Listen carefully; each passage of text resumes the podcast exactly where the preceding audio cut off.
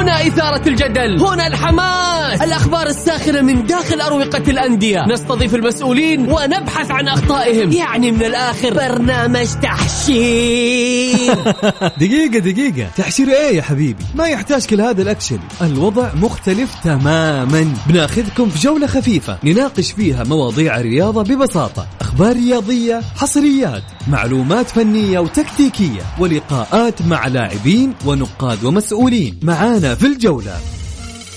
الآن الجولة مع محمد القحطاني على ميكس أف أم. ميكس أف أم هي كلها في الميكس.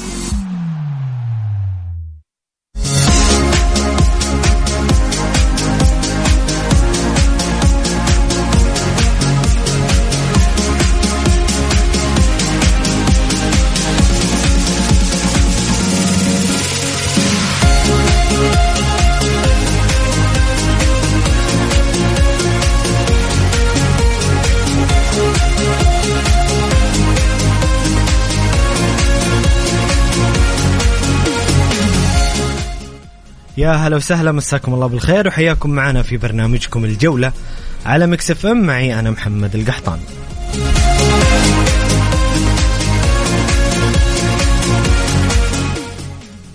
حلقة اليوم في الجولة بإذن الله نسلط الضوء على دوري روشن السعودي والجولة الرابعة والعشرين اللي شهدت الكلاسيكو الكبير بين الاتحاد والشباب والكثير من المباريات المثيرة والممتعة والمؤثرة.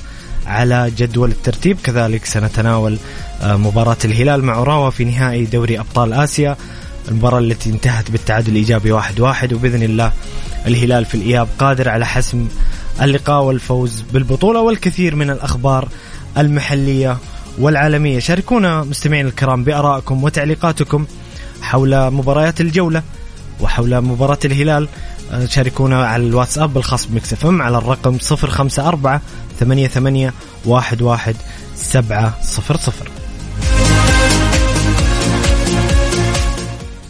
أرحب بضيفي في الاستديو الإعلامي بسام عبد الله بسام وحشتنا.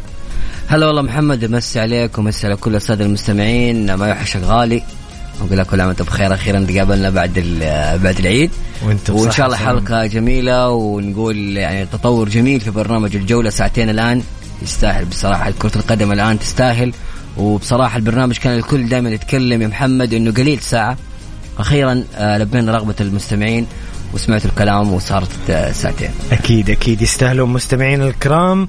خلينا نبدأ بسام بالكلاسيكو الكبير بين الاتحاد والشباب قمة الجولة آه، الرابعة والعشرين. مباراة مثيرة مباراة ممتعة مباراة كانت الفوز فيها يعني كثير للفريق الفائز. ولا تحقق الفوز للاتحاد الاتحاد الآن يغرد وحيدا في صدارة الترتيب. الآمال كبيرة الحلم يقترب من الاتحاد. كيف شفت المباراة بسام بين الاتحاد والشباب؟ هذه محمد آه، زي ما يقولوا هذه مباراة الدوري بالنسبة للاتحاد. النتيجة اللي صارت في المباراة هي آه، يعني زي ما يقولوا آه، أعطت الاتحاد فرصة كبيرة أعطت الاتحاد السيطرة الكبيرة على الدوري والابتعاد بالصدارة بفارق ست نقاط عن نادي النصر بالإضافة إلى أفضلية الاتحاد في المواجهات المباشرة يعني تتكلم من تقريبا سبع نقاط. هذه النقطة جدا مهمة اللي حققها الاتحاد. هذا الفوز آه، بصراحة كان صعب جدا آه، فوز الاتحاد. لم يقدم فيه مستوى المطلوب آه، قدم مستوى متواضع وكان واضح الإرهاق بعد مباراة الهلال. كان واضح جدا إنه لعيبة الاتحاد جميعا مرهقين.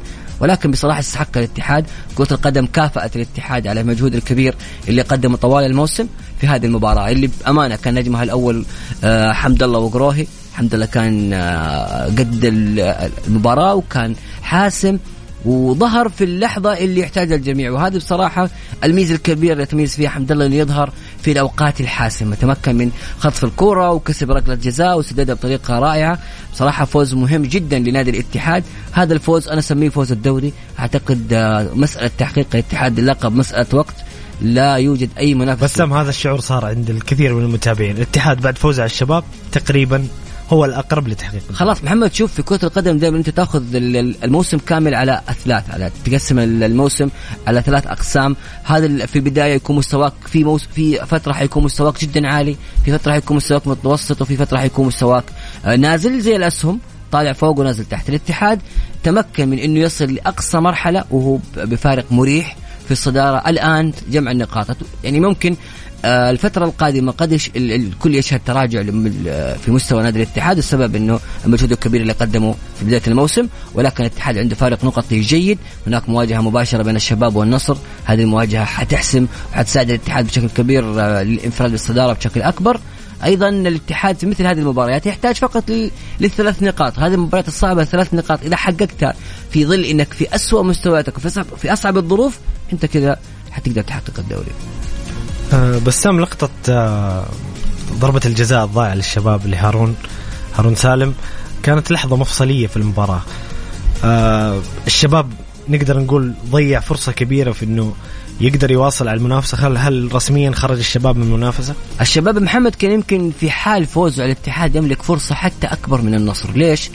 الشباب في حال تعادل مع الاتحاد في المواجهات المباشرة كان الشباب أفضل وبالتالي آه، ممكن الشباب يقدر يحقق اللقب فرق ثلاث نقاط. ولكن رعونة أرون سالم طبعا بغض النظر إن هذا اللاعب غريبة بس. آه غريبة جدا. يعني شوف أو شو بتكلم عن الجانب عن الموضوع هذا بجانبين الجانب الأول ترى أرون سالم متميز بمثل هذه الكرات وسبق له انه يسجل أكثر من هدف بهذه الطريقة. ولكن اللي صار في مباراة الشباب. اولا اللاعب أصر على تسديد الكرة. شفنا إحنا فيديو انتشر على مواقع التواصل الاجتماعي من المصور المبدع الرائع آه خالد العليان. لك لقطة صراحة أثبتت إنه آه الكل كان غير راضي على تسديده تسديد أرون سالم لركلة الجزاء. لا المدرب ولا البن ولا بانيجا اللي أنا أستغرب من عدم تدخله. فقط راح تحدث مع المدرب ولا طول الدوري بانيجا أعتقد المسدد الأول وجوانكا المسدد الثاني. لا وبانيجا ذهب للمدرب وكان يحتج إنه ليش أرون سالم بيشوت؟ طب أنت كابتن الفريق أنت اللي المفروض تكون موجود هناك وتسحب الكورة وما تخليه يشوت. أرون سالم تجاهل المدرب وتجاهل اللاعبين وتجاهل الكل. وجوانكا طبعا تركها له كبر راسه زي ما يقول تركها لأرون سالم وسددها بطريقة مستفزة جدا. ما أبغى أحط شيء في ذمتي ولكن الطريقة اللي سدد فيها أرون سالم ركلة الجزاء أضاعت على الشباب حلم كبير جدا بتحقيق لقب الدوري. يعني بأمانة أنا لو كنت إداري أو كنت مسؤول في نادي الشباب ما أتوقع أو القرار لا يمكن أن يكون أقل من أن هذا اللاعب ما يشارك إلى نهاية الموسم. هذا اللاعب مستهتر آه، الطريقة اللي سدد فيها كانت طريقة استهتارية بصراحة مستفزة جدا في لحظة حاسمة. آه الأفضل حتى المدرب ترى بدل اللاعب مباشرة بعد الركلة واضح إنه كان غاضب جدا. آه، تطبيق فقط الخصومات على الرواتب بمثل هذه الطريقة أتوقع إنها غير مناسبة. أنا أرى بأنه أرون سالم يجب عن نادي الشباب يحول التدريبات الانفرادية ويبعدوا حتى نهاية الموسم. اللاعب عنده عدم جدية كانت واضحة جدا في ركلة الجزاء. جميل بسام ننتقل المباراة الأخرى. النصر يعود لسلسلة الانتصارات. يحيي أماله بفوز عريض على الرائد بأربعة أهداف مقابل لا شيء. يعني شوف بعودة الحكم المحلي عاد النصر. عاد النصر للانتصارات. وهذا اللي يمكن لا لا بس موضح لي. من سنتين. يعني لا النصر بتواجد الحكم المحلي انتصر في آخر سنتين. في الموسم في هذا الموسم كل مباراة من الحكم المحلي ينتصر. وبالحكم الأجنبي. بالحكم الأجنبي الغالب دائما خسارة. وبالتالي النصر بصراحة ليش إيش السبب برأيك؟ شوف بالنسبة للأسباب يمكن الأسباب كثيرة. الحكم الحكم السعودي أحيانا يكون في نوع من الخوف نوع من الرهبة داخل ارضيه يتأثر بالتأثير الجماهيري يتأثر بتواجد الكل يتأثر بتواجد نجم كبير مثل كريستيانو رونالدو. تخيل أنت تحكم لكريستيانو رونالدو. أكيد تأثير نفسي نوعا ما. ولكن إحنا نتكلم بلغة الأرقام. النصر مع الحكم المحلي ينتصر مع الحكم الأجنبي لا ينتصر. وهذه اللغة واضحة للجميع. يمكن آه، بعض الأمور اللي شاهدناها من النصر فترات سابقة آه، بخطط تكتيكية بالسقوط المكثف داخل منطقة الجزاء وبالتالي هذا الشيء يضغط على الحكام ويستطيع النصر إنه يكسب ركله الجزاء. لكن بالمجمل العام بالمجمل هذا راي بسام عبد الله إيه هذا الخاص ليس لكن لي علاقة. بالمجمل العام بالنسبة لمستوى النصر بأمانة مستوى هزيل جدا وأنا كنت أقولها من زمان. لو تذكر يا محمد كنت أراهن دائما النصر لن يحقق الدوري والنصر صعب إن ينافس ليه؟ القاعدة هشة جدا. دفاع النصر في ضياع. دفاع النصر في ضياع. بس هل مبرر إقالة رودي غارسيا في هذا التوقيت؟ شوف آه يعني على يعني الأقل باقي سبع جولات. هل هل منطقي إنك تقيل رودي غارسيا في هذا التوقيت؟ بغض النظر عن أخطاء. أنا أتفق معك إنه كان عنده أخطاء. ولكن هل توقيت إقالته مناسب؟ منطقي إذا كان البديل جاهز.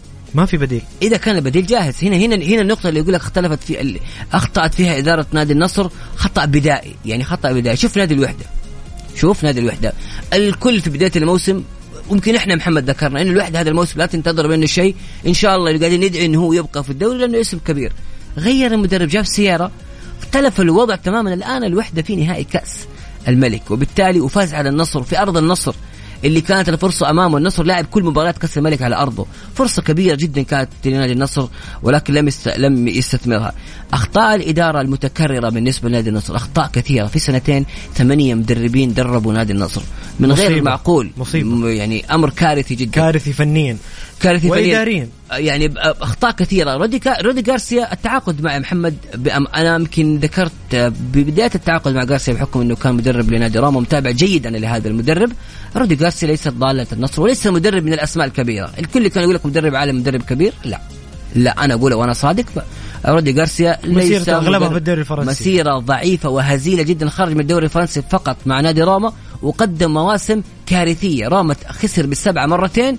بوجود رودي غارسيا. هذا مدرب ضعيف شخصيه يعني كان في أغلب اللقطات اللي كان يبدل فيها فرانشيسكو توتي كان يناقش توتي ليش ليش التبديل كان. فهنا يبان لك شخصية المدرب. النقطة الثانية واللي استمرت معاه حتى مع النصر قراءته للمباريات والتبديلات غريبة وفاشلة. يعني تصف بالفاشلة. من 2013 هذا المدرب فاشل جدا في قراءة المباريات والتبديلات داخل أرضية الميدان. فالتعاقد معه من البداية كان خاطئ جدا.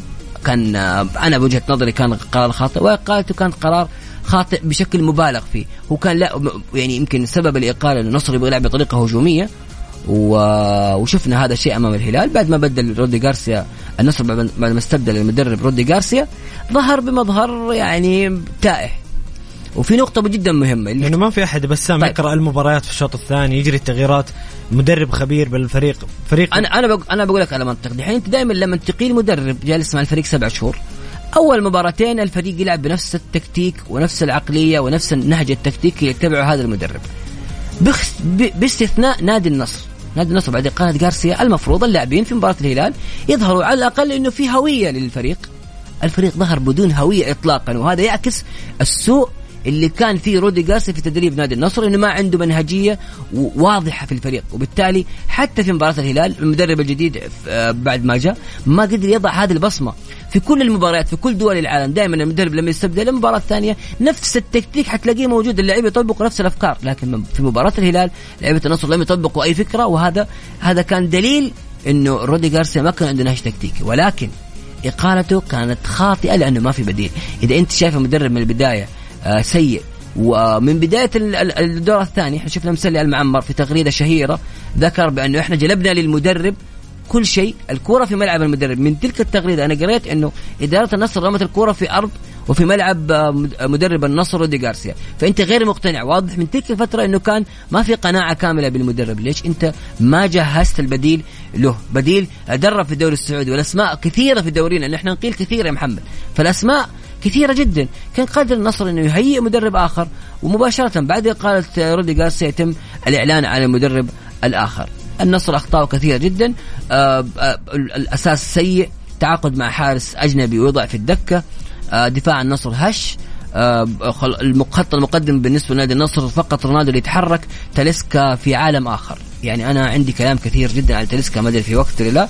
لكن تاليسكا بكل تفضل باقي دقيقة على أيوة. الفاصل. تاليسكا اسم اسم كبير لاعب آه، يلعب لنفسه. هذا اللاعب يا محمد والله العظيم قالها شخص وأنا هي في قلبي من زمان. هذا مشكلة نادي النصر. تعرف لما يكون اللاعب أنا كل شيء يا أنا أسجل يا أنا اصنع يا ما حد يسجل ما حد يصنع. المباراة بس تنتهي. بس بسام هل أنا اعتمد يعني خليني أعطيك رأي آخر. تاليسكا من أكثر لعيبة النصر مساهمات تهديفية؟ هل أنا أبني فريق كامل على لاعب واحد لما يكون في مزاجه؟ أنا أفوز لما يكون ما في مز- مزاجه. خلاص هي؟ منظومه منظومة فنية وتشاهد. إنه تلسكا تسديداته كثيرة جدا يعني واحدة تيجي في الباب وخمسة برا ويحاول يتحكم بالكورة بشكل مبالغ فيه.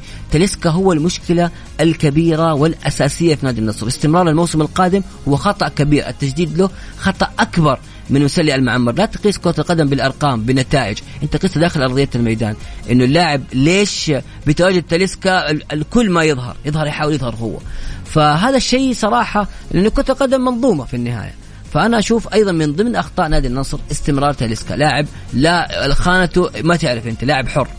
لاعب الحر ما له صانع ألعاب وله جناح وله آه، مهاجم رأس حربة. وبالتالي في كرة القدم آه، هذا الشيء مرفوض. النقطة الثانية والمهمة جدا سبارك.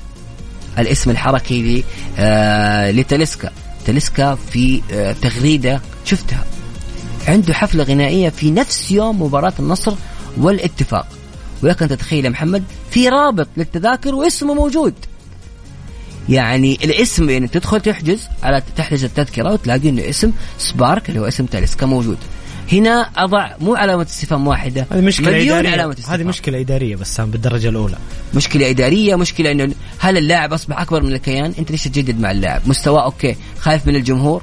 الجمهور الآن أصبح واعي. محمد وعارف تلسكا أنت قاعد تسجل لكن أنت ما قاعد تخدم الفريق. أنت ما قاعد تخدم الفريق اطلاقا. وإنت شفنا عبد الرحمن غريب لم يظهر بشكل مناسب. أيمن يحيى لم يظهر. ترى في غياب تلسكا النصر قدم مباريات كبيرة ورونالدو سجل أربع أهداف في مباراة واحدة. فيعني النصر بصراحة مشاكله كبيرة والمشكلة الأساسية والأولى واضحة جدا هي مشكلة إدارية بحتة. إقالة إيه أنت قلتها بس إقالة سبعة مدربين خلال مدربين. هذه كارثة فنية.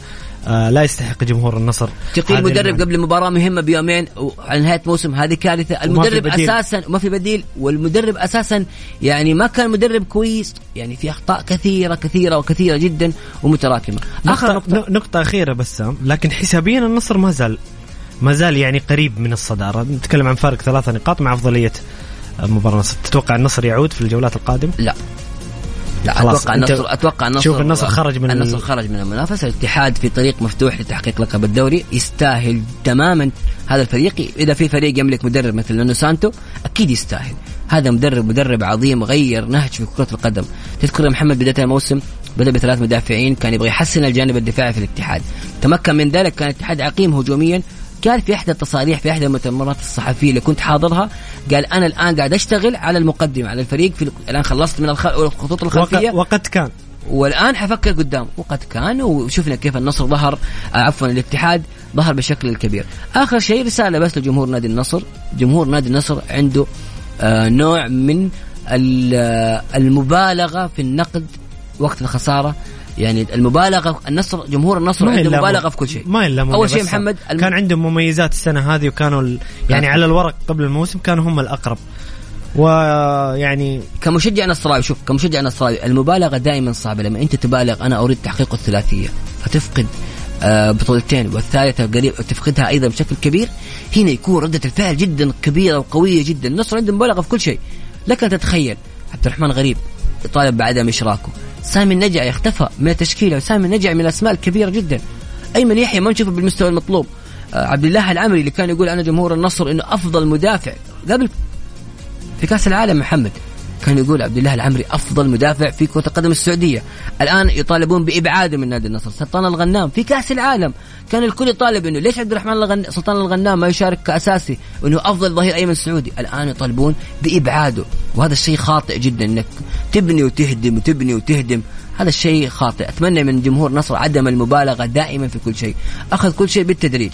نادي النصر قاعد يأسس. فريق لما يأسس يا محمد لازم ينتظر عليه. يعني الاتحاد صار على الهبوط مرتين نافس على الدوري نافس على الدوري والآن تقريبا بطل الدوري. بالتالي على الجمهور نصر الصبر لكن أنت كل سنة تبني متى حتوصل جميل بسام أنتم مستمعين الكرام شاركونا بآرائكم وتعليقاتكم وأسئلتكم لضيفنا الكريم حول صراع الصدارة والمنافسة على اللقب والجولة الرابعه والعشرين من دوري روشن السعودي. وكذلك محورنا القادم مباراة الهلال أمام اوراوا في ذهاب دوري أبطال آسيا. على الواتساب الخاص Mix FM على الرقم 054 88 11700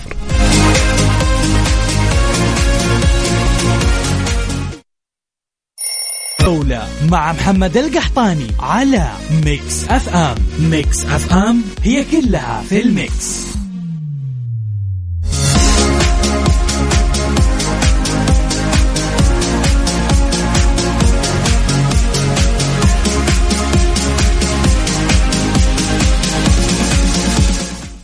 يا هلا وسهلا مستمرين معاكم في برنامجكم الجولة على Mix FM معي أنا محمد القحطاني ومع ضيفي الكريم الإعلامي بسام عبد الله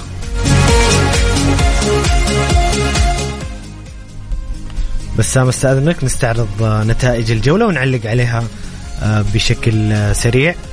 طبعا آه، العدالة ينتصر انتصار مهم. بسام على التعاون بهدفين مقابل هدف للهروب من شبح الهبوط.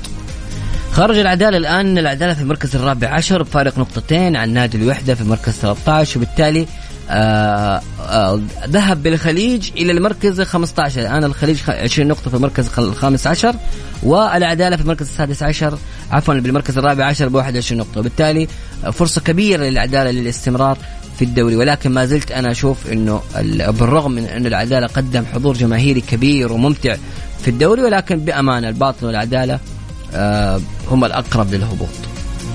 طيب آه، الطائي وأبها مباراة آه، مناطق الدف الطائي يفوز على أبها بهدف مقابل لا شيء.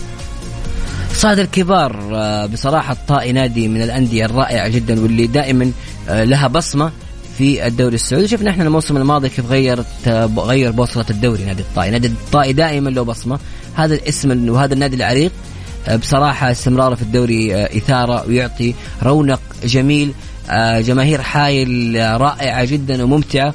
بصراحة بيستحق أبها آه، مستوى متوسط كالعادة.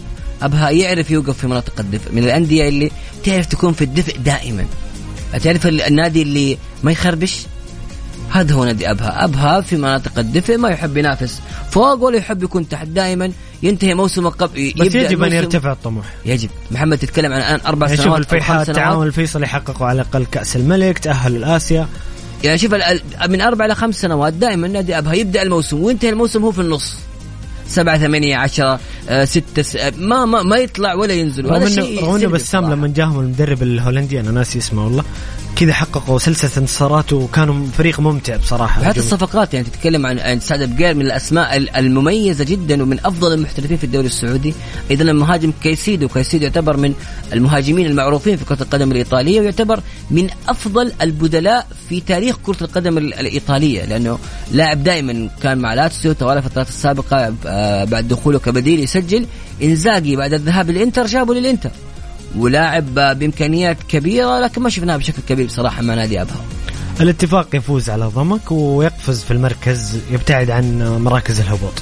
الاتفاق يعني بصراحة شوف هذه المباراة الاتفاق تمكن من الفوز بعد حالة الطرد اللي صارت لنادي ضمك صحيح. كانت المباراة متوسطة الاتفاق كان غير قادر على التقدم الفوز لا يعكس ابدا ضمك قدم مباراة كبيرة لكن الطرد كان مؤثر وعلى ارض الاتفاق والاتفاق بصراحة من الأندية اللي إحنا نتمنى إن نشوفها بشكل أعلى. يعني الكل الآن صار يصل لنهائي كأس الملك وينافس الا نادي الاتفاق. اسم كبير مبالغ مالية كبيرة ولكن إلى الآن الاتفاق عنده مشكلة بكل صراحة مشكلة فنية فنية فنية وإدارية. فنية محمد وضعه في الدوري في السنوات الأخيرة ما يليق بحجم نادي الاتفاق. ولا بحجم الأسماء والدعم. فنية ليه اختيارات الأجانب بالنسبة لنادي الاتفاق كارثي. كارثي بكل ما تعني الكلمة من, معنى. يعني لا يمكن إنك تتكلم في آخر ثلاث سنوات أو أربع سنوات مين لاعب آه، أجنبي في الاتفاق؟ برز. لا يوجد. يعني نايم سليتي من قبل ما يجي هو الاسم الكبير واغلى فيليب فيليب كيش. فيليب كيش يعني متوسط. أيوه. فبالتالي الاتفاق في خياراته الأجنبية دائما سيء. حتى في خيارات الخيارات التدريبية دائما أيضا هذا الاتفاق سيء. آه، بصراحة أيضا هذا الاتفاق يحتاج حاليا لتغيير مجلس الإدارة. أخذ الفرصة الكاملة بصراحة الاتفاق يحتاج إلى إدارة عندها طموح أكبر وإلى لجنة فنية يعني أفهم في كرة القدم والاتفاق وأفهم من والاتفاق غني باللاعبين الأساطير واللاعبين الكبار يعني يعني بأمانة الرجال الشرقية يعني ممتازين جدا وخاصة حتى في كرة القدم يعني. أغلب المواهب من الشرقية أسماء كثيرة ممكن تتدخل لكن اللجنة الفنية الحالية في نادي الاتفاق دائما تخطئ في الاختيارات. بصراحة هذه يعني نقطة جدا مهمة على الإدارة الاتفاقية القادمة أو الحالية التركيز عليها. إذا الإدارة الحالية تريد الاستمرار اللجنة الفنية الحالية اللي جالسة تقود الصفقات والفكر في النادي يجب أن يتغير بالكامل. جميل بسام المباراة الأخيرة في الجولة الخليج يفوز على الفيحاء ثلاثة أهداف مقابل لا شيء فوز مهم للخليج لمحاولة الهروب من شبح الهبوط. من وجود فابيو مع الخليج بصراحة الخليج قاعد يقدم كرة جيدة وهذه الصفقات اللي دائما تكون مؤثرة وإيجابية لنادي الخليج، صحيح نادي الخليج تأخر كان يعني في في في الفترة الثانية فترة فترة الانتقالات الشتوية قدم صفقات ممتازة آه، كان في تدخلات جيدة من الإدارة لتحسين الوضع وتحسن الوضع ولكن الخليج آه، أتوقع من وجهة نظري الشخصية قادر على البقاء في الدوري وحيزيح العدالة من المركز الرابع عشر. في تقارب كبير جدا بسام حتى حسابيا تقدر تتكلم آه، حتى عن ضمك ابها الرائد الفيحاء الوحدة. ممكن كل شيء يحدث حسابيا أتحدث. بالضبط. يعني مع يعني عندك لين الخليج هو الباطن اللي في وضع سيء جدا 15 نقطة لكن الخليج العدالة الوحدة الفيحاء أتكلم من من أسفل إلى إلى الأعلى. والفيحاء عنده جد نقطة مهمة حيلعب أيضا مباراته القادمة أمام الاتحاد وبالتالي يعني الخسارة قد تؤدي أي تعثر. خطير جدا إيه؟ لأي من الفرق ال- حتكون مشكلة كبيرة جدا لل- لل- للفريق ال- ال- الفيحاوي ولكن يعني أنا أشوفها محكورة بين العدالة والخليج والباطن الوحدة قادرة على انه يبتعد حتكون بين الثلاثة عدالة خليج باطن هم واحد أو اثنين من هؤلاء الفرق سيهبطون الإثارة في الجولات القادمة ستكون على مقاعد دوري أبطال آسيا صراع اللقب بكل تأكيد وأيضا في الهبوط بتكون في مباريات مثيرة جدا وأي تعثر لأي من الفرق ممكن يشكل آه، على قولهم بوصلة الدوري ممكن تنقلب في أي لحظة في الجولات القادمة. بسط الدوري في الهبوط في الصدارة خلاص. أكيد أكيد. أتكلم عن عن مقاعد الهبوط. آه خلينا نستعرض جدول الترتيب بشكل سريع بعد إذنك. بسام الاتحاد في الصدارة 59 نقطة النصر ثانيا 56 نقطة الشباب ثالثا ب 50 نقطة والهلال رابعا 49 نقطة الفتح في المركز الخامس ب 39 نقطة التعاون سادسا 37 نقطة الطائف في المركز السابع 31 نقطة والاتفاق في المركز آه التاسع ب 30 نقطة ضمك في المركز العاشر 29 نقطة أبها في المركز الحادي عشر 27 نقطة الرائد الثاني عشر 26 نقطة أو عفوا الحادي عشر الفيحاء الثاني عشر 25 نقطة الرابع عشر الثالث عشر الوحدة 23 نقطة العدالة الرابع عشر 21 نقطة الخامس عشر الخليج 20 نقطة والباطن في المركز الأخير ب 15 نقطة. نطلع فاصل لأذان المغرب ونرجع نكمل معاكم بإذن الله.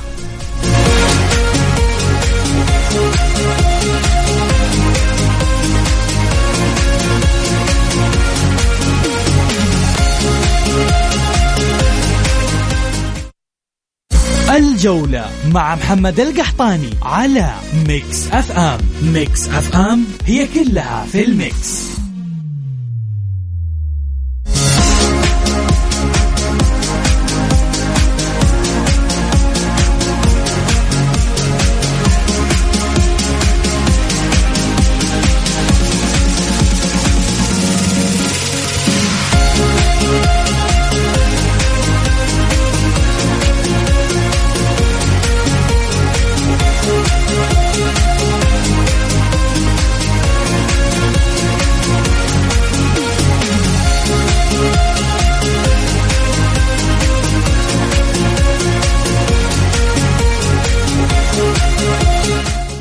يا هلا وسهلا مستمرين معاكم في برنامجكم الجولة على Mix FM. معي أنا محمد القحطاني ومع ضيفي الكريم الإعلامي بسام عبد الله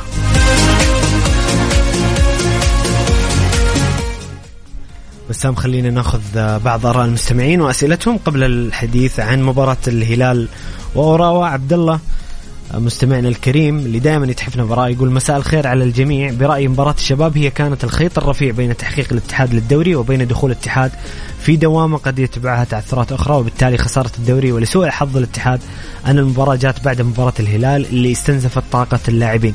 نفس اللي ذكرته بسام. وشفنا كيف الاتحاد في الشوط الثاني انهار لياقيا وكثرة الأخطاء خاصة أن الاتحاد تقريبا يلعب بتشكيلة واحدة طول الموسم ولكن الحمد لله فوز مهم وأبعاد أكثر من ثلاثة نقاط. فقط. فعلا عبد الله نتفق معك وهذا اللي تحدثنا عنه أنا وبسام في بداية الحلقة. آه هاشم حريري اتحادي من مكة هذا صاحبك يا بسام. يقول بالتوفيق لكبير مكة وفارسها في نهائي كأس الملك سلمان والحمد لله على فوز العميد في كلاسيكو الصدارة. ومبروك للأمة الاتحادية والجمهور الفخم يستاهلوا صدارة الدوري. و hard luck التعادل للزعيم العالمي وصيف العالم. طبعا هاشم دايما ما عنده أسئلة تعليقات بس. هنا أخونا فواز مستمعنا الكريم يقول مساكم الله بالخير. بالنسبة للمتأهلين دوري أبطال آسيا في الموسم القادم كيف سيحدد؟ إذا افترضنا والله حط افتراضية يبغى لها بسام. الوحدة بطل للكأس وهبط لدوري يلو. أعتقد ما الهبوط ما له علاقة. لو الوحده لو الوحدة حقق كأس الملك. سيشارك. الفيصل يشارك هذا الموسم وهو في الدوري الدرجة صحيح. الأولى. يقول لو الهلال خسر آسيا وكأس الملك وانتهى رابع الدوري والاتحاد والنصر بطل للدوري الاتحاد أو النصر بطل للدوري والشباب ثالثا. بقول لك الاليه محمد والفيحاء بطل كأس السابق طلب حق أنا- المشاركة. إيش أنا رأيك؟ أنا بختصر بختصر لك الموضوع. اولا الهلال والفيحاء أول فريقين مشاركين في دوري أبطال آسيا النسخة النسخة القادمة بطل الدوري الموسم الماضي بطل كأس الملك. نيجي على هذه النسخة. هذه النسخة بطل الدوري بطل كأس الملك هم من يتأهلون إلى دوري آه إلى دوري أبطال آسيا. في حال حقق مع الهلال والفيحاء. إيه في حال حقق الوحدة اللقب وحقق الاتحاد سيتأهل الوحدة والاتحاد برفقة الهلال والفيحاء. طب لو افترضنا الهلال طيب أخذ كأس الملك. في, في حال حقق الهلال لقب كأس الملك سيتم النظر إلى وصيف الدوري هذا الموسم وبالتالي إما النصر أو الشباب هو اللي حيكون مشارك في دوري أبطال آسيا. جميل. إجابة شافية من بسام. ويعني هو في كان هو حتى في حالة تكرار يعني في حالة تكرار حياخذ الثالث في دوري هذا الموسم وفي حالة تكرار الرابع في دوري هذا الموسم. ولكن خلاص واضحة هي متضحة هلال فيحاء وفي كأس الملك إما الوحدة أو الهلال وفي حال حقق الهلال سيكون ثاني الدوري هذا الموسم هو المتأهل في حال تحقيق الهلال. يعني حتشوف حاجة غريبة يا محمد يمكن تحدث لأول مرة.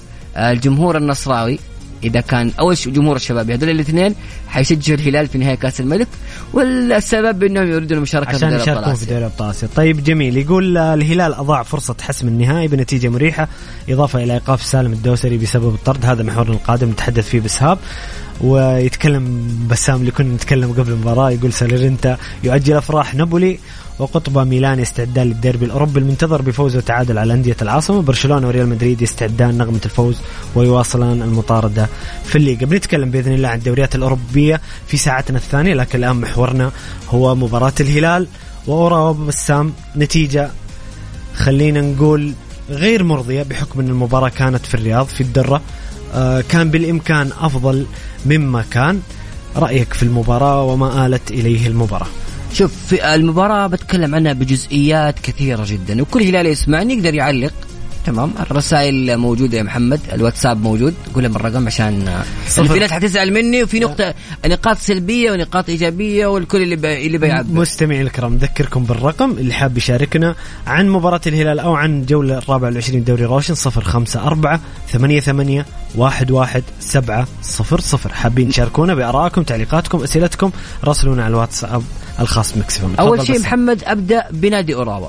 تمام؟ نادي أوراوا بكل أمان اللي يقول لك المباراة كانت في يد الهلاليين؟ لا. نادي أوراوا قدم مباراة كبيرة جدا تكتيكيا آه، مباراة صعبة مباراة آه، رائعة جدا بالنسبة لاوراوا ما نقول لك فاجأ الهلاليين ولكن فاجأ مدرب الهلال بالتكتيك اللي لعبه تكتيك آه، رائع قاري الهلال بالضبط. احترم الهلال بشكل كبير. أيضا على الجانب الآخر الهلال ترى قدم مباراة كبيرة جدا فنيا آه، يعني إذا بعد قراءة آه، المشهد الهلالي الأمس ما كانت في هجمات لاوراوا صحيح الهلال ما هاجم ولكن ما كانت في هجمات لاوراوا والسبب ليش الهلال ما هاجم؟ ليش؟ هذا يمكن حتكلم فيه في النهاية مع تصريح سلمان الفرج اتضحت وعرفنا إحنا ليش الهلال آه، ظهر بهذا المستوى. أيوه ليش يا بسام؟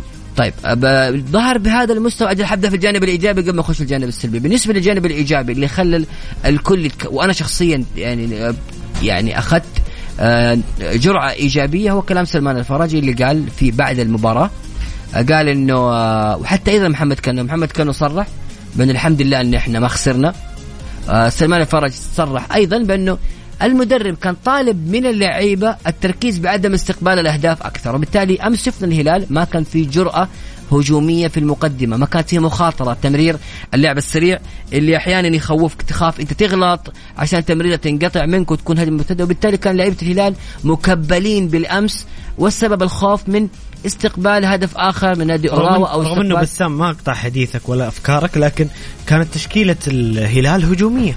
تشكيله يعني دياز أمس جازف على الورق على الأقل حاجيك على نقطة دياز حاجيك على هذه الجزئية. فبالتالي اللي صار بالأمس إنه لعيبه الهلال مكبلين بقرار من المدرب التركيز على عدم استقبال الهدف أكثر من التركيز على الهدف. والنقطة تح... نقطة التحول الكبيرة في المباراة كانت بعد تغيير المدرب التكتيكي اللي كان بادئ فيه 4 2 2 2 بعد الهدف غير التكتيك ل 4 2 3 1 جعل ماريكا في الجناح الأيمن. ومن هنا بدأت كل كرات الهلال تنتهي بدأت الخطورة تضيع. سلم الدوسري كان في مركز صناعة اللعب وهذا مركز غير مناسب لسلم الدوسري. طيب تيجي تقول لي إيش أسباب الخسارة؟ أسباب الخسارة الأولى التعادل.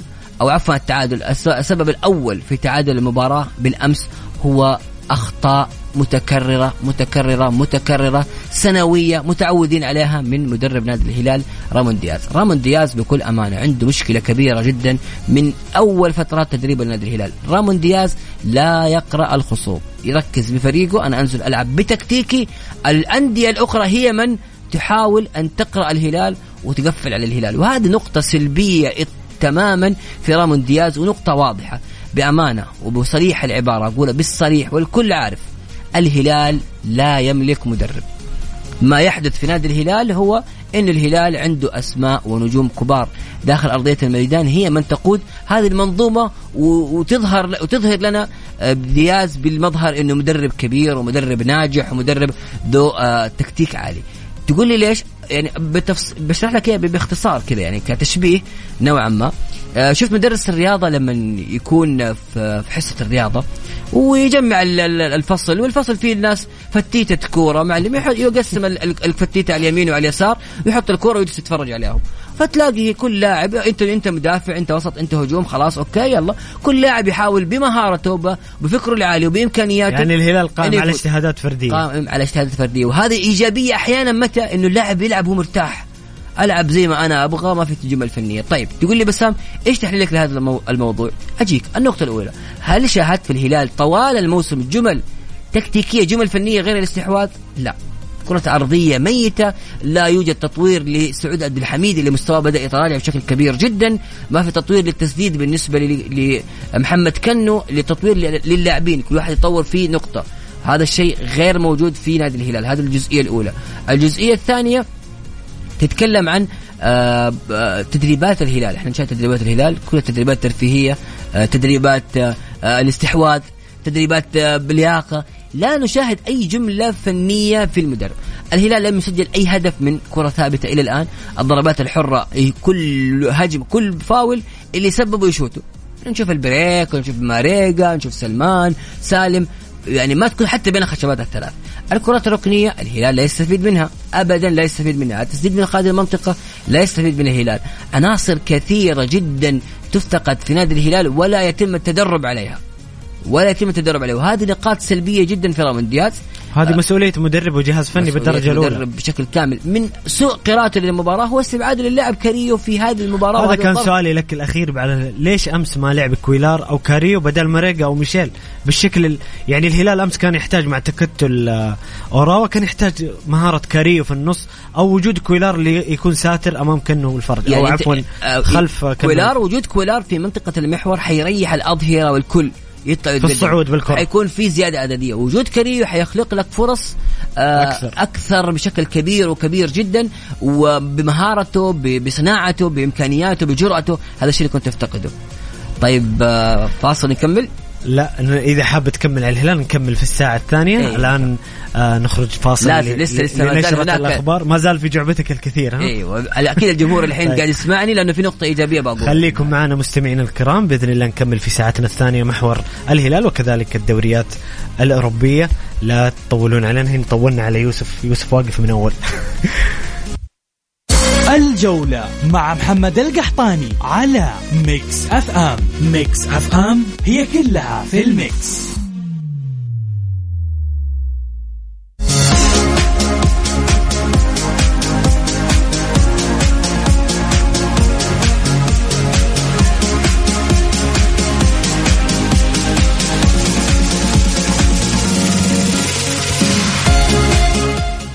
يا هلا وسهلا مستمرين معاكم في الساعة الثانية من برنامجكم الجولة على Mix FM معي أنا محمد القحطاني ومع ضيفي الكريم الإعلامي بسام عبد الله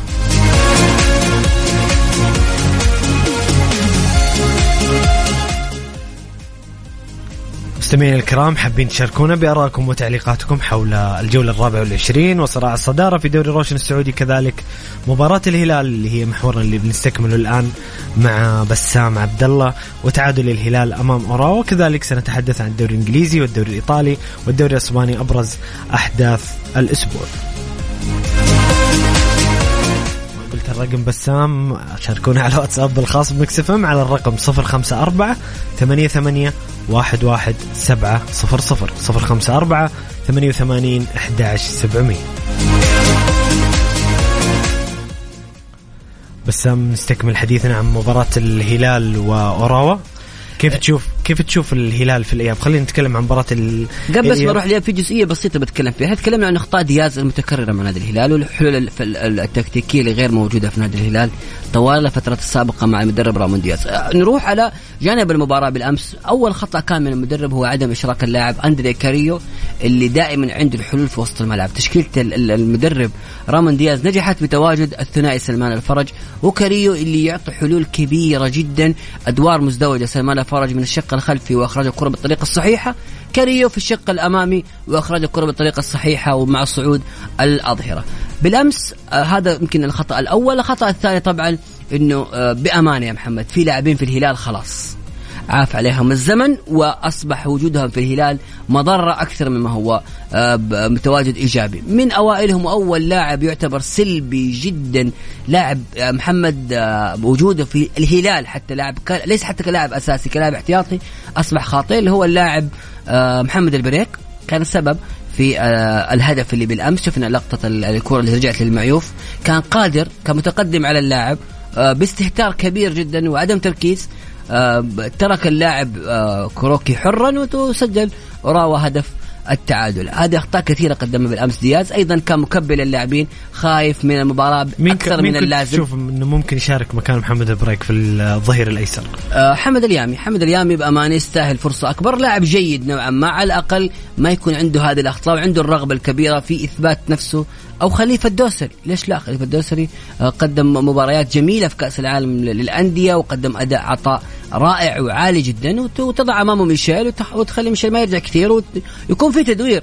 لكن رامون دياز ما عنده ابتكار محمد هي تشكيلة واحدة حافظها. آه، استحواذ يدرب الفريق على الاستحواذ وبعدها ربك يسهل إن شاء الله واللعيبة كل حسب مهارته هو اللي يقدر يقود المرحلة. نيجي على مباراة الإياب اللي سألتني إيش هي الحلول المتاحة في مباراة الإياب؟ أولا لازم لازم نقتنع بالنسبة لي الخيارات الأجنبية في نادي الهلال.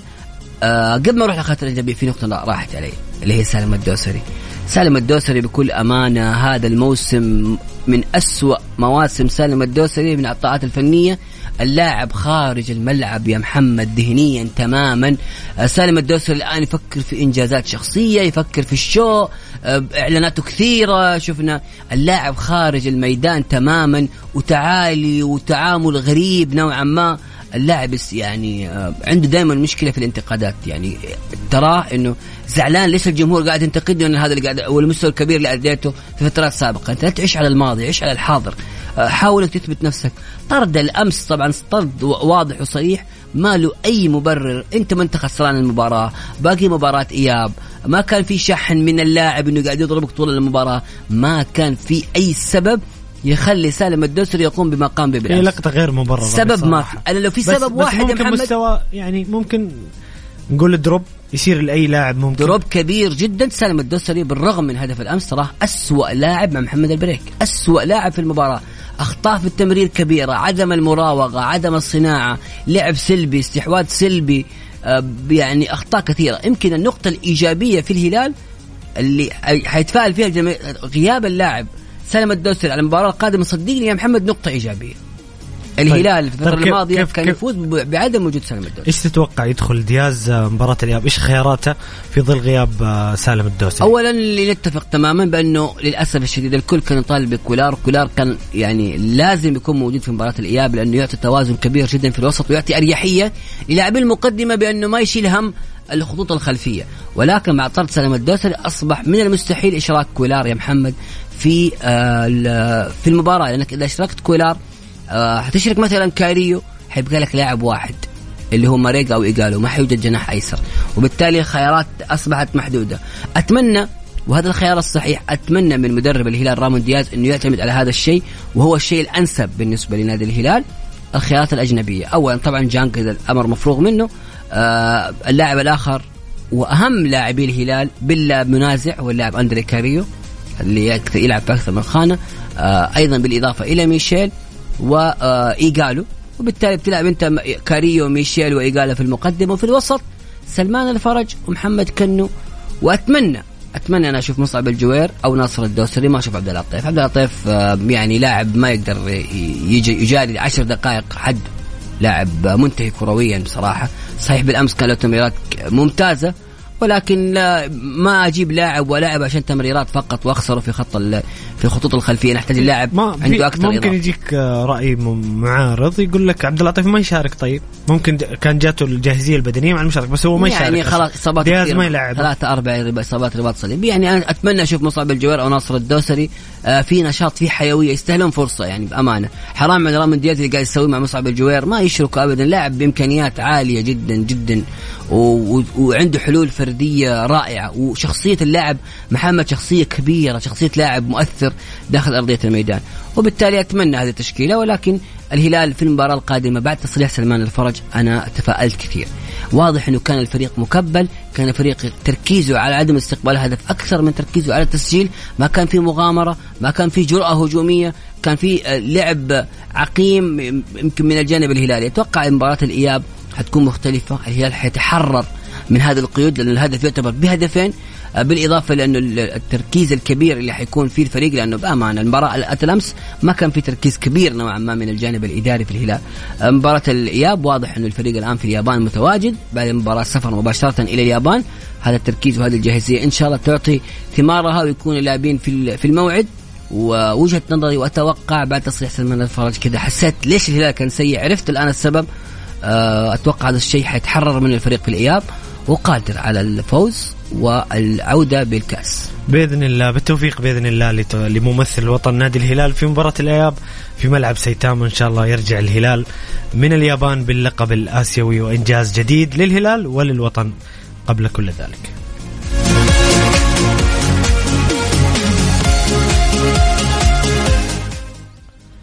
ننتقل الآن للكالتشيو الدوري الإيطالي والدوري اللي ربما حسم من ناحية آه، الفوز باللقب. أعتقد إنه فوز نابولي باللقب مسألة وقت لكن صراع كبير وإثارة كبيرة جدا في مراكز دوري الأبطال. اليوم نابولي بعد خسارة لاتسيو أمام إنتر بثلاثية مقابل هدف. كان ممكن نابولي يحسم الدوري ولكن تعادل في الدقائق الأخيرة ساليرنيتانا بهدف لهدف مع نابولي وتأجل الحسم إلى الجولات القادمة. لكن بسام صراع كبير في على مراكز دوري الأبطال. روما وميلان تعادل. إنتر يفوز ويعود للصراع آه، على مقاعد دوري الأبطال. كذلك أتلانتا آه، يفوز أيضا. وما زال لديه فرصة حسابيا في تحقيق اللعب كذا أعطيني ملخصك ورؤيتك لمراكز دوري الأبطال. أه، ببدأ معاك بنابولي بأمانة. يعني اللي صار اليوم ساليرنيتانا كان مفاجئ جدا. يعني لاعب دي ال- ال- المهاجم الإيفواري أو الجناح الإيفواري لاعب ممتاز جدا مسجل 12 هدف. في آه، الدوري الإيطالي ورقم كبير مع نادي متواضع في كرة القدم الإيطالية. ولكن ال- المدرب باولو سوزا مدرب عظيم في آه، في ساليرنيتانا. ثلاث أو أربع شهور يا محمد بدون أي خسارة. آه، مقدم أداء كبير جدا مع هذا النادي اللي بأمانة نادي رائع جدا اللي يقدم كرة قدم جميلة. نابولي اليوم كان جاهز للاحتفال. نابولي كلها كانت تحتفل خاصة بعد فوز الإنتر على لاتسيو. الكل كان منتظر في هذه المباراة. يعني نابولي أجل مباراته من يوم السبت إلى الأحد بعد مباراة لاتسيو والإنتر آه، برغبة منه أنه في حال خسارة لاتسيو وفوزهم يكون التتويج يكون التتويج داخل أرضية ملعب الميدان. نعم. وشفنا الاحتفال بعد مباراة لاتسيو احتفالات كبيرة جدا. العالم كله منتظر احتفال نابولي بلقب الدوري بعد غياب 33 سنة منذ رحيل الأسطورة رونا آه مارادونا آه بعدها الفريق. لم يحقق اللقب لقب الدوري حاول كثيرا جدا في سنة من السنوات وصل تقريبا إلى 95 أو 92 94 نقطة. 94 نقطة. مع ساري. ولم يتمكن من تحقيق اللقب. وبالتالي كانت فرصة كبيرة اليوم بالتتويج باللقب ولكن سالرنيتانا فاجأ الجميع. أتوقع الحسم يتأجل للجولة القادمة. إلا في حالة خسارة اليوفي اليوم آه، أمام بولونيا. في حالة خسارة اليوفي أمام بولونيا فيعني رسميا تتويج نابولي باللقب. آه، تتويج نابولي باللقب مساله وقت ليس إلا إحنا ممكن نقول سيناريو افتراضي إن في حال فريق خسر كل مبارياته أعتقد وانتصار. كل مباريات اليوفي لا أمر صعب جدا. على الجانب الأوروبي بصراحة الصراع عظيم ورائع جدا آه، بين. بسام دقيقة أقول الجدول لأنه مولع نار. وكمل حديثك. نابولي في المركز الأول 79 نقطة لاتسيو ثانيا بعد الخسارة 61 نقطة يوفي مع تبقي مباراة مع بولونيا. من 31 مباراة. 59 نقطة في المركز الثالث. ميلان رابعا إنتر خامسا روما سادسا كلهم 57 نقطة. وأتلانتا في المركز السادس بفرص أقل ولكن بفرق نقطتين 55 نقطة. مولع الدوري الإيطالي على دوري الأبطال بسام جدا يا محمد. أنت تتكلم الآن صراع كبير. شفنا بالأمس مباراة روما وال... والدقائق الأخيرة يعني هدف دقيقة 93 لروما هدف التعادل في الدقيقه 96 للميلان. آه، صراع كبير وقوي وشرس على دوري الأبطال. يعني تتكلم الإنتر والميلان. الآن عندها مواجهة في دوري الأبطال وبالتالي التركيز الكل كان يقول إنه التركيز يكون أقل في الدوري. عندك لاتسيو مقدم مستويات كبيرة وفي الوصافة اليوفي وروما ينافسون على اللقب وأيضا ينافسون اوروبيا. كرة القدم الإيطالية في هذا الموسم أثبتت أن الكرة الإيطالية عادت بشكل قوي جدا. تواجد ثنائي القطبي ميلان في نصف نهائي دوري الأبطال أحدهم في النهائي. أيضا تواجد روما واليوفي في الدور نصف النهائي للدوري الأوروبي. أيضا ما ننسى النادي الرائع نادي إيطاليانو نادي فرونتينا فرونتينا مقدم كرة قدم جميلة واصل للدور آه، نصف النهائي في الدوري دوري المؤتمرات الأوروبي بنتائج كبيرة وكبيرة جدا. آه، تواجد إيطالي كبير في البطولات الأوروبية هذا الموسم. محمد أنت لك أن تتخيل أنه في حال آه لنفترض جدلا حقق روما لقب الدوري الأوروبي وحقق الإنتر لقب دوري الأبطال وكان الترتيب الدوري الايطالي آه نابولي لاتسيو ميلان وميلان ونابولي لاتسيو ميلان وأتلانتا. أتوقع يتأهل بطل الابطال يتأهل بطل, بطل حيكون في ست آه آه ست أندية إيطالية مشاركة في دوري الأبطال بطل الدوري الأوروبي بطل دوري الأبطال وأيضا الأربع الأوائل. وبالتالي هذا الشيء يعطي انطباع جميل وكبير لكرة القدم الإيطالية اللي تعيش أفضل لحظاتها في الفترة الحالية مع وجود نادي نابولي التنافس الكبير. أيضا في نادي يمكن الكل مغفله لكن ترى هو وصيف الدوري اللي هو نادي لاتسيو. لاتسيو ساري ترى قاعد يقدم كرة قدم ممتازة وقوية جدا بالرغم من الفريق كان يركز على الدوري وتأهل لدوري الأبطال. لكن أيضا قدم كرة قدم جميلة. آه، بصراحة كنا نتمنى اليوم يحسم نابولي اللقب. هذا الجمهور العظيم شفنا الاحتفالات يا محمد من مسألة على اليوفي. مسألة وقت بس فأنا أتمنى المباراة القادمة ما يفوز الفريق. عشان يكون التتويج في ملعب عشان يكون ملعب دييغو صراحة يعني يستاهل هذا الأمر. وأيضا نقطة أخرى أنا يعني شيء مختلف. الكرة أنصفت اليوم المعلق فارس عوض اللي أمتعنا كثير هذا الموسم مع في الدوري الإيطالي وارتبط اسمه باسم نابولي وباسم كفارة. وحرام ما يعلق مباراه التتويج بالنسبة لهم. كويس إن اليوم نابولي ما فاز عشان المباراة القادمة يكون هو المعلق. أتمنى من أبو ظبي إنه كل مباريات نابولي الان تكون بتعليق فارس عوض لأنه يستاهل وقدم شيء جميل. فارس عوض بسام أنت ذكرتني بالمعلق الكبير فارس عوض. دائما له بصمة في كل دوري يعلقه ودائما كذا له قصص جميلة مع مع لاعبين أو فرق. يعني أنا أتذكر فترة سواريز الذهبية في ليفربول. كان صحيح. فارس عوض وسواريز قصة لا تنسى. حتى مع اجويرو اجويرو قبلها فان بيرسي كان هو فان بيرسي قصة جميلة لما فان بيرسي انتقل من أرسنال لمانشستر يونايتد وحقق اللقب فيرغسون آخر دوري لمانشستر مع فيرغسون 2013 كان فان بيرسي وفارس عوض برضو قصة جميلة وهذه ويبدون معاه يعني حتى هو يقول يعني بأمانة أنت لما تشوف لما يعلق مباراه نابولي المباراة تكون جميلة نتائج كبيرة. تشوف كفاره لاعبه المفضل يقدم أداء عظيم يعني شيء صراحة آه، ممتع ورائع. أيضا محمد جزئية جدا مهمة. ترى اسم فارس عوض يتردد بشكل كبير الآن في إيطاليا. كل المباريات اللي يعلق عليها لنابولي ترى تسجل وتترجم للغة الإيطالية ويتم ترجمة الأهداف وإنزالها كمقاطع الإيطاليين آه، عاجبهم كثير فارس عوض خاصة مع نابولي. جمهور نابولي قاعد يتغنى بالكل. ترى الآن أي أحد يتغنى بنابولي ترى جمهور نابولي حيحفظه لأنه نادي يعني جمهور مجنون جمهور مجنون. 33 سنة ينتظرون هذا اللقب الكبير. طيب جميل هذا ما كان يتعلق بالدوري الإيطالي الكالتشيو. الآن ننتقل للدوري الإنجليزي.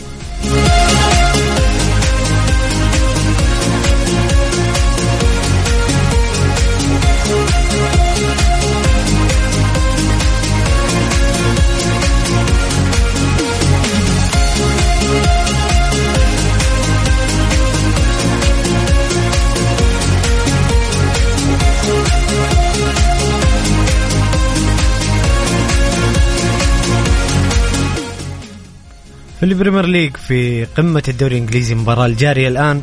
قاعد نشوفها أنا وبسام في الاستديو. ليفربول يتقدم على توتنهام بثلاثة أهداف مقابل هدف رغم أنه وضع الفريقين يعني نسبهم ضئيلة جدا في التأهل لدوري الأبطال ولكن ليفربول يتقدم بثلاثة أهداف مقابل هدف. في صراع اللقب مانشستر سيتي يفوز على فولهام اليوم بهدفين مقابل هدف ويضغط على أرسنال بشكل كبير جدا.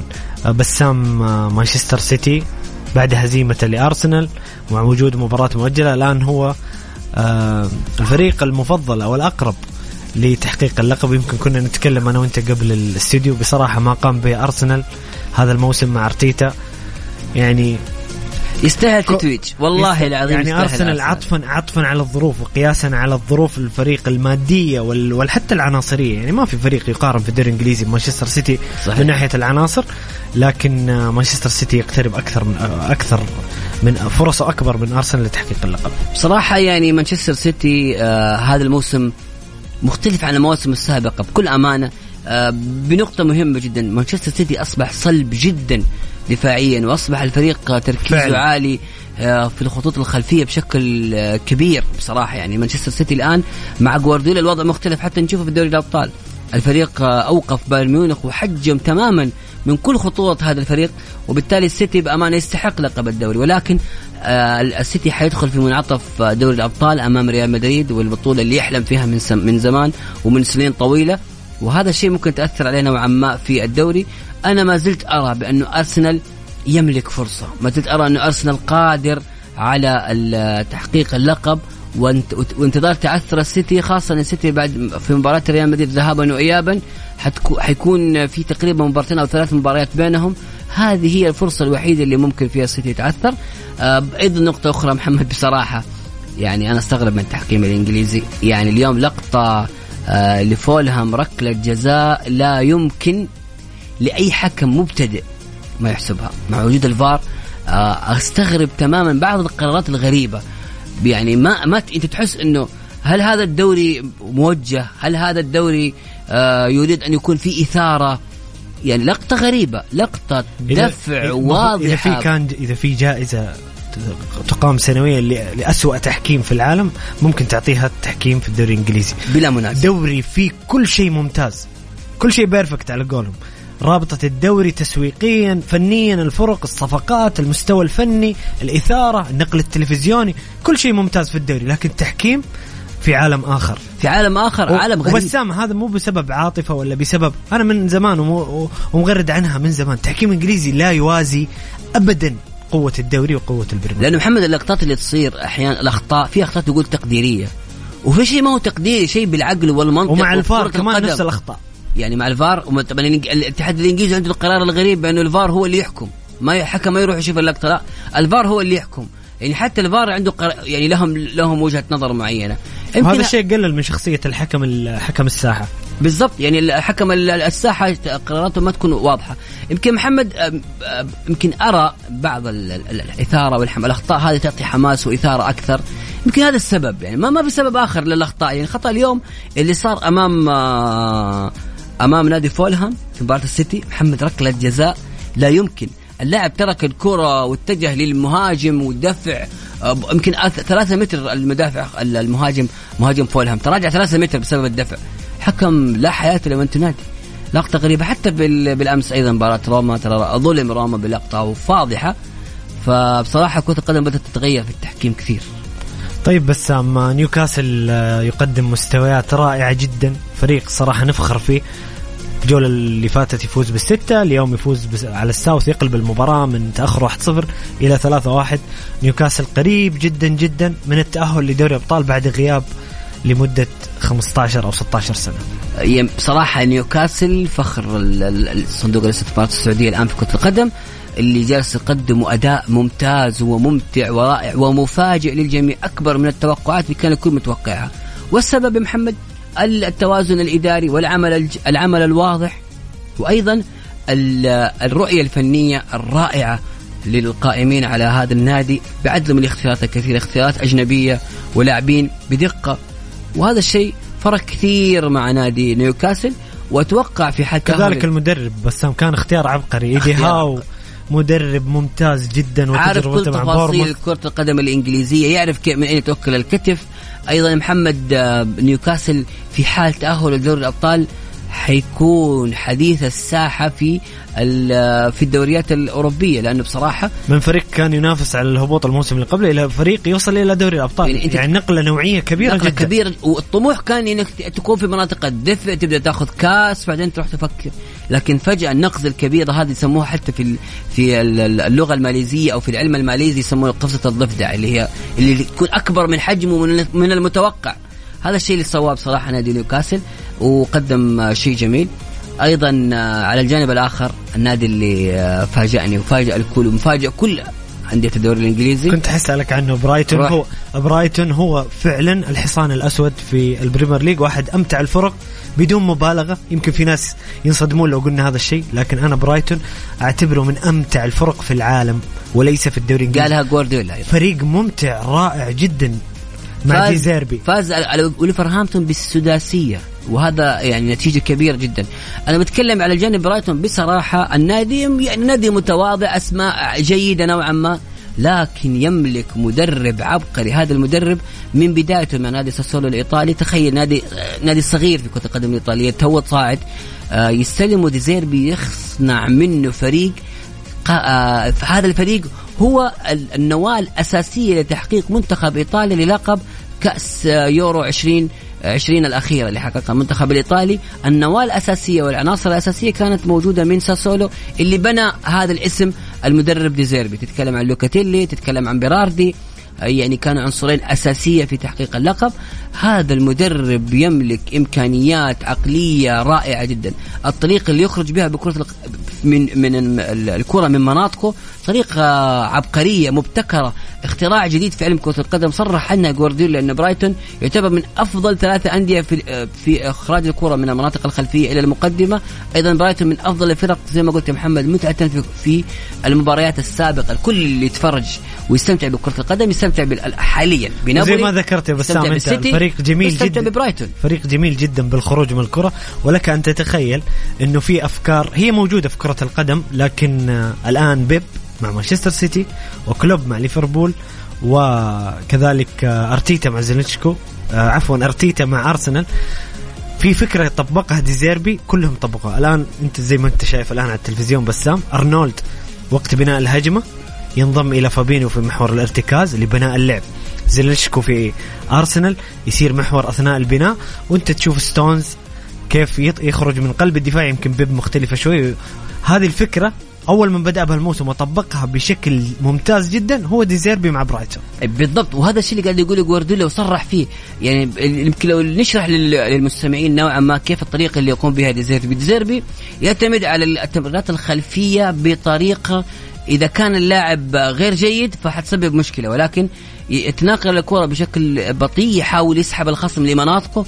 فجأة في لحظة كرة طويلة للأطراف واحد اثنين ثلاثة وتلاقي الفريق في المقدمة. في يستدرج الفريق الخصم ويخرج الكرة يعني بسرعة تعرف إلى محمد ملعبه. اللي هو التيكي تاكا المطورة اللي تيكي تاكا في الخلف لكن في المقدمة لا خلص. روح ألعب سريع. يعني حتى تشوف ماك أليستر معاه مقدم مستويات عظيمة جدا في الوسط وهو الرمان اللي تحرك هذه هذه المنظومة. من- هي منظومة ليست تعتمد على لاعب واحد. هي منظومة متكاملة. ما تقول والله اللاعب الفلاني هو ال- الأفضل هو اللي من يقود هذه الطريقة. لا. هي هي منظومة متكاملة تلعب بفكرة جديدة. يعني أنت لما تتكلم عن ظهير أرنولد يستلم في, في وسط الميدان عشان يلعب كرة طويلة من الوسط للطرف. هذا الشيء جديد في علم كرة القدم. ترى في مدربين يعني ديزيربي أيضا في مدرب آخر. أتوقع مع المرحلة القادمة حيكون له بصمة كبيرة جدا. هو قاعد يقدم أداءات عظيمة. آه آه يعني بصراحة في ال Premier League ولا في الدوري لا في اللي هو المدرب تياغو موتا. أعتقد الآن مع آه تياغو موتا مرشح الموسم القادم إنه يكون آه، مدرب الإنتر ميلان. خلينا ناخذ آه، جدول الترتيب الدوري الإنجليزي. آه، بسام مانشستر سيتي في المركز الأول. طبعا عطفا على النتائج الحالية ليفربول وتوتنهام. ما انتهت إلى الآن. مانشستر سيتي في الصدارة ب 76 نقطة. أرسنال في المركز الثاني ب 75 نقطة مع أفضلية مانشستر سيتي بقي له لقاء مؤجل. نيوكاسل في المركز الثالث ب 65 نقطة. مانشستر يونايتد في المركز الرابع ب 63 نقطة. توتنهام خامسا ب 54 نقطة. وأستون فيلا في المركز السادس 54 نقطة. ليفربول في المركز السابع 53 نقطة. وبرايتون مع وجود مباراة مؤجل أو مباراتين مؤجلة في المركز الثامن ب 52 نقطة. أيضا صراع التأهل لدوري الأبطال والدوري الأوروبي كبير جدا في ال Premier League. وأنتم مستمعين الكرام اللي تسمعون الآن حابين تشاركونا بآرائكم وتعليقاتكم عن أبرز ما حدث في الدوريات الأوروبية هذا الأسبوع. شاركونا على الواتساب الخاص Mix FM على الرقم 054 88 11700 آه طبعا تياجو موتا مدرب بولونيا تذكرت مدرب بولونيا وأيضا ترتيبه الآن حسب ما شفت ترتيبه الثامن في الدوري الإيطالي بدون أي أسماء. الطريقة اللي يلعب فيها تياجو يا محمد هي يعتمد على الحارس ولكن الحارس يصبح مدافع آخر. ففي لاعب حر أنت تتكلم تلعب أربع مدافعين في مدافع حر. في زيادة عددية أثناء البناء 11 لاعب يبني. الحارس يكون مدافع يا محمد يلعب يعني بالجانب المدافع وبالتالي ال- المدافع يضع الظهير الأيمن الظهير الأيمن تلاقيه لاعب حر متحرك. وهذا تكتيك جديد هذا تخيل علم جميل تخيل بسام. تخيل بسام إنه هذه الأشياء لو قبل دائما في الكورة في أفكار مجنونة ممكن ما يتقبل الجمهور بس تخيل هذه هذه الأفكار كانت قبل عشر سنوات إنه ظهير يصنع اللعب. أو مثلا center يطلع إلى المحور ويصنع كان غير متقبل. لكن مع. بيب كلوب وديزيربي والمدربين العباقرة الموجودين في كرة القدم آه في أفكار جميلة جدا. آه خلينا نستمتع بالكورة يا محمد. نستمتع بالكرة لأنه في. ناس إحنا نستمتع بهذه هذه لذتنا بالنسبة لكرة القدم الناس المتابعين الدقيق في الأمور التكتيكية البسيطة. الآن هذه قاعدين نشوفها الآن أرنولد. شوف ثلاثة في خط الوسط. أيوه ارنولد يستلم من ال... يستلم من الحارس أحيانا ويصنع اللعب. هذا ما كان لدينا في الدوري الإنجليزي. نأخذ بعدها بإذن الله الليغا الدوري الأسباني آه، معكم ومع ضيفنا الكريم بسام عبد الله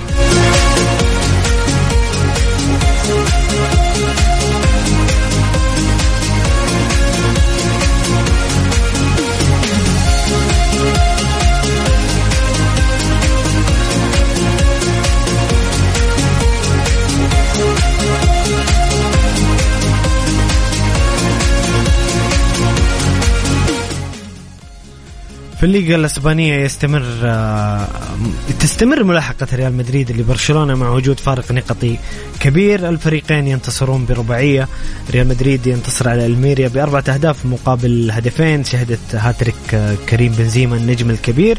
وبرشلونة أيضا يتفوق على ريال بيتس بأربعة أهداف مقابل لا شيء. بسام كيف تشوف آه، صراع الصدارة في الدوري الأسباني مع وجود فارق الآن 11 نقطة؟ لصالح برشلونة. هل تعتقد إنه اللقب حسم لبرشلونة أم لريال مدريد؟ كلمة. قبل ما أقول هذا الشيء أول شيء أنا آه عندي نقطة مهمة. كرة القدم الإسبانية قاعدة تنهار بشكل كبير جدا. رابطة الدوري بأمانة الدوري الإسباني ينهار تماما. من زمان هو من- يعني بوجهة نظري من زمان هو كان صعب. وفقط وجود ريال مدريد وبرشلونة مع الصعود أتلتيكو مدريد آه هو اللي كان مؤثر. لكن الباقي آه، آه، موجودين وكان ال show بوجود رونالدو كان ال show بوجود ميسي وكان ال show بالقناة الناقلة لهذا الدوري القناة العربية اسم القناة العربية الناقلة لهذا الدوري اللي أعطت زخم أكبر من المتوقع وكان تركيزها كبير وكانت سبب في أنه تنشئ فكر جديدة لهذا الجيل بأنه هذا هو أقوى دوري في العالم. والآن الحقيقة ظهرت كله كان كلام على الورق. لا نشاهد أي متعة في هذا الدوري. يمكن كنا نتكلم تحت الهاويه محمد إنه أندية في ال- المركز الخامس والسادس في إيطاليا وفي وفي إنجلترا. تقدر تجيب اللقب بكل سهولة في الدوري الإسباني. بالإضافة يا محمد يمكن قياس غريب نوعا ما ولكن أنت لاحظ ال- اللعيبة اللي قدموا من الدوري الإسباني إلى الدوري ال- ال- السعودي واللاعبين اللي كانوا متواجدين فترات طويلة في الدوري الإسباني ترى الأغلب لم ينجح. والدليل على ذلك فيتو. فيتو في مرحلة من المراحل كان مرشح للانتقال لبرشلونة. اللاعب هو من رفض لأنه لا يريد أن يكون دكة. لمين؟ لنيمار. سواريز ميسي. وبالتالي آه شفنا فيتو بقي في فالنسيا ولعب إشبيليا لعب أتلتيكو مدريد.